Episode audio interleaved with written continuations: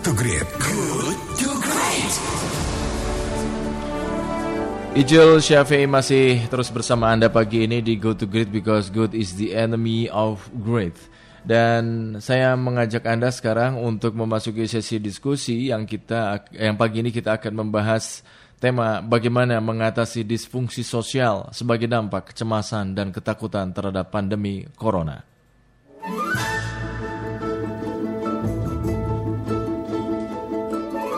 Indonesia adalah negeri yang sangat kental dengan budaya gotong royong, terkenal dengan keramah tamahannya. Namun ketika pandemi virus COVID-19 memasuki Indonesia, masyarakat kita lebih dikuasai oleh kecemasan yang sekarang mulai berubah menjadi uh, ketakutan. Rasa takut yang dibangun oleh pandemi virus COVID-19 Itulah yang terjadi. Maka tidak heran ketika tusuk gigi sudah jadi telunjuk dan salam namaste sebagai pengganti salaman. Bahkan ketakutan di luar kewajaran pun terjadi dengan adanya penolakan jenazah korban COVID-19 di beberapa uh, daerah. Kecemasan dan ketakutan yang sekarang ini dialami oleh sebagian masyarakat sesungguhnya sesuatu yang manusiawi ya. Namun jika kondisi tersebut tidak diatasi secara sosiologis akan menimbulkan disorganisasi serta disfungsi sosial di masyarakat. Kenapa bisa seperti itu? Ciri otentik dari masyarakat adalah kedinamisan di tatanan sosialnya saat mendapat stimulus tertentu. Nah, dalam kondisi sekarang ini yaitu rasa takut terhadap pandemi virus COVID-19. Tidak mudah untuk dapat membatasi perubahan-perubahan pada masyarakat karena masyarakat merupakan mata rantai yang saling terkait. Itulah kenapa disorganisasi dan disfungsi sosial menjadi suatu keniscayaan. Annie Care dalam bukunya yang berjudul Genetics and Society, A Sociology of Disease menjelaskan bahwa fenomena wabah penyakit di masyarakat dapat membuat masyarakat mengalami kecemasan atau anxiety dan ketakutan atau fear Nah, disorganisasi pada masyarakat akan mengarah pada situasi sosial yang tidak eh, menentu sehingga dapat berdampak pada tatanan sosial di masyarakat. Wujud nyatanya berupa prasangka dan diskriminasi misalkan. Sikap diskriminasi yang paling nyata terjadi berupa kekerasan simbolik misalkan saja ketika ada individu, sebut saja individu X berada di ruang sosial tertentu. Tiba-tiba melihat ada individu Y yang berada di dekatnya, bersin-bersin dan batuk Nah, individu X tiba-tiba segera menjauh karena merasa khawatir karena individu Y terjangkit virus corona. Padahal belum tentu individu Y ini terjangkit virus corona. Nah, terjadinya disorganisasi dan disfungsi sosial akan memicu efek bola salju atau snowball effect pada sektor kehidupan lainnya tentunya. Efek paling nyata yaitu bidang ekonomi. Dampak dari disorganisasi dan disfungsi sosial karena uh, corona membuat individu atau kelompok masyarakat mengalami penurunan produktivitas kegiatan ekonominya, mulai dari kegiatan produksi hingga kegiatan konsumtif. Nah, seiring dengan meningkatnya jumlah positif COVID-19, Lembaga Bantuan Hukum LBH Bandung melakukan survei guna memetakan kondisi masyarakat dalam masa pandemi COVID-19 di Jawa Barat. Jadi berdasarkan hasil survei yang dilakukan pada kurun waktu 26 Maret 2020 sampai 1 April 2020 ditemukan 53,3 persen responden mengaku pandemi COVID-19 atau COVID-19 ini berdampak terhadap mata pencarian mereka. Dalam survei tersebut disebutkan juga bahwa hampir dari separuh responden yakni 45,9 persen menyatakan tidak lagi bekerja semenjak pandemi ini meluas sedangkan 54,1 persen sisanya terkonfirmasi masih bisa bekerja. Lantas, sahabat kelat, ketika disorganisasi sosial dan disfungsi sosial terjadi di tengah masyarakat, seba sementara sebagian besar masyarakat Indonesia terdampak mata pencariannya, akankah budaya saling menolong akan tetap ada? Sudahkah kita kehilangan rasa peduli terhadap sesama? Lalu peran seperti apa yang harus dilakukan oleh pemerintah? Masyarakat sebagai sebuah civil society, peran apa yang harus diambil sebagai bentuk budaya gotong royong tadi dan saling tolong menolong. Nah, guna menjawab pertanyaan-pertanyaan tadi, kita akan diskusi dengan narasumber yaitu uh, Wisnu Prima, anggota LBH Bandung. Selamat pagi Mas Wisnu. Halo, selamat pagi Mas Iju. Apa kabar? Uh, baik Mas Iju. Alhamdulillah.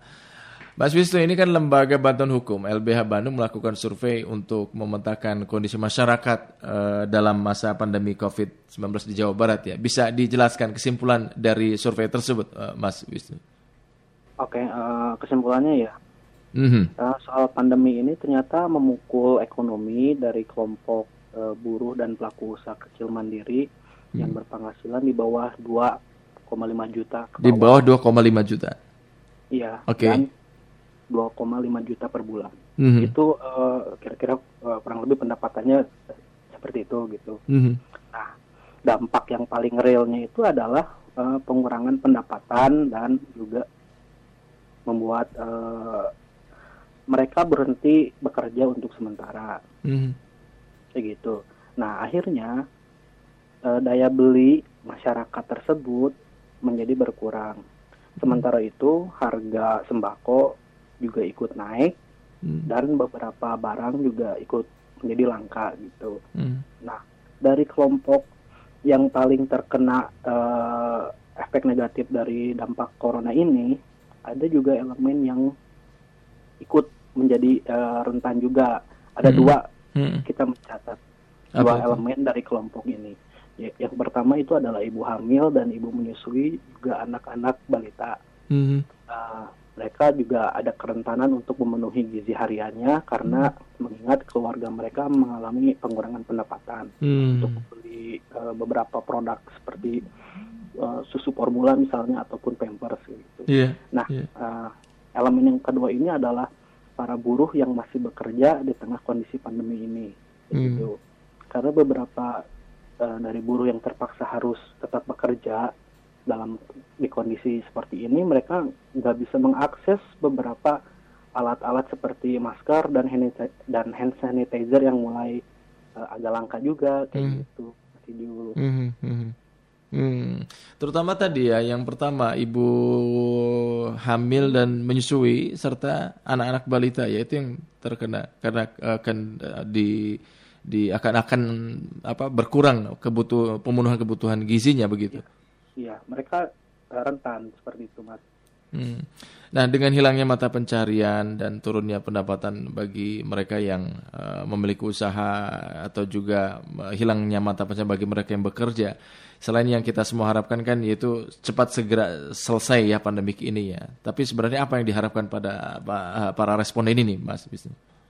Oh, oke. Eh, sebenarnya simpel aja sih, Mas Ijul. Eh, harapan mereka sebenarnya adalah eh, mereka memiliki uang gitu, alat untuk membeli eh, barang kebutuhan mereka sehari-hari. Karena mengingat juga sebelum adanya pandemi ini, mereka eh, para responden juga memiliki keterbatasan untuk mengakses eh, bahan pangan karena pendapatan yang kurang, sedangkan eh, gaya hidup di kota Bandung atau di beberapa kota sekitaran kota Bandung itu juga cukup eh, apa namanya eh, mahal kayak gitu Mhm. ya. Mhm. Eh, jadi hmm, ya itu tadi gitu mereka Mhm.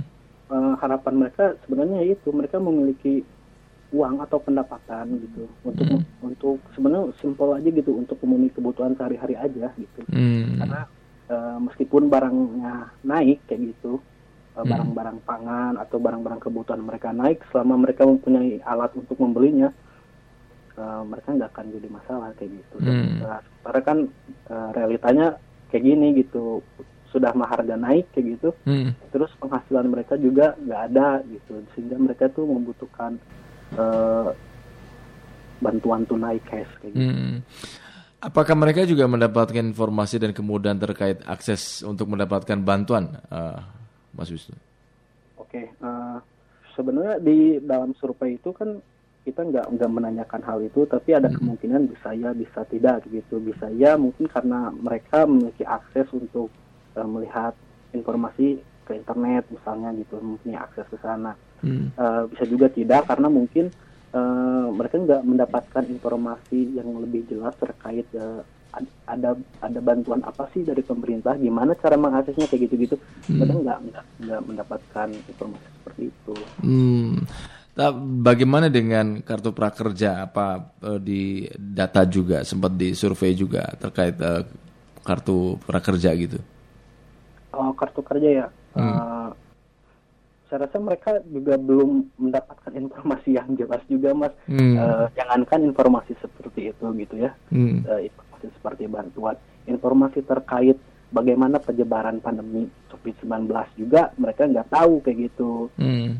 Itu kan informasi yang dasar sebenarnya ya. Hmm, hmm, hmm. Ketika pemerintah melakukan ini ya, menganjurkan untuk bekerja di rumah meng, uh, buat meng, uh, meng, meng, menghentikan penyebaran COVID-19 Mhm. tapi di satu pihak juga masyarakat juga nggak tahu gitu apa itu Shopee Hmm, hmm. Informasi tentang pandemi ini masih minim ya. ya kayak gitu mas Hmm. Nah, terus ketika kita bicara soal dukungan, dukungan apa ini yang akan atau sudah dilakukan LBH Bandung dalam konteks eh, bantuan mendapatkan kemudahan akses ini bantuan dari pemerintah untuk mereka gitu. bantuan ya oh. Uh, oke sebenarnya teman-teman LBH itu lagi membuat sebuah ini ya jaringan gotong royong Jaringan gotong royong, oke. ya oke jaringan kerja gotong gotong royong ini kan sebenarnya kolektif itu yang melibatkan banyak orang kolektif kerja yang eh, misi utamanya itu eh, soal ketahanan pangan kayak gitu Hmm. ketahanan pangan di kelompok-kelompok yang rentan seperti buruh dan eh, yang lain-lain kayak gitu nah eh, eh, jaringan kerja ini hubnya itu adalah LBH Bandung kayak Oke. gitu Hmm. LBH Bandung kayak gitu nah eh, untuk misalnya mengakses bantuan ya meskipun meskipun eh, jaringan ini bekerja untuk ketahanan pangan gitu ya masyarakat luas sebenarnya bisa menggunakan jaringan kerja atau jaringan kerja gotong royongnya si LBH Bandung untuk pertama mendapatkan akses gitu ya soal informasi terkait bantuan apa saja yang disediakan oleh pemerintah. Kedua juga masyarakat eh, luas bisa mengakses juga gitu bisa memonitoring. Hmm. ini memoni- memonitoring sejauh mana sih eh, apa namanya bantuan itu Hmm. eh, datang dari pemerintah itu sebenarnya. Hmm. Gimana itu caranya agar eh, publik bisa mengetahui atau bahkan ikut terlibat di jaringan kerja gotong royong ini, eh, Kang Wisnu? Ya eh, eh, sebenarnya ada beberapa hotline yang disediakan oleh eh, jaringan gotong royong ini.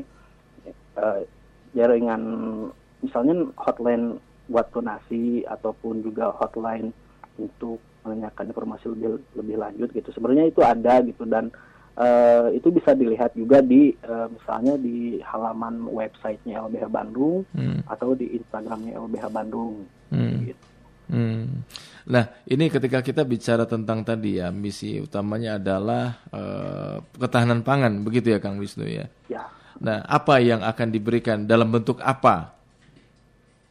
Apakah dana yang akan diberikan kepada mereka yang membutuhkan sehingga mereka harus dibelikan eh, tadi ya pangan konteksnya ataukah bentuknya adalah ya sudah bentuk jadi itu barang atau bahan pangan.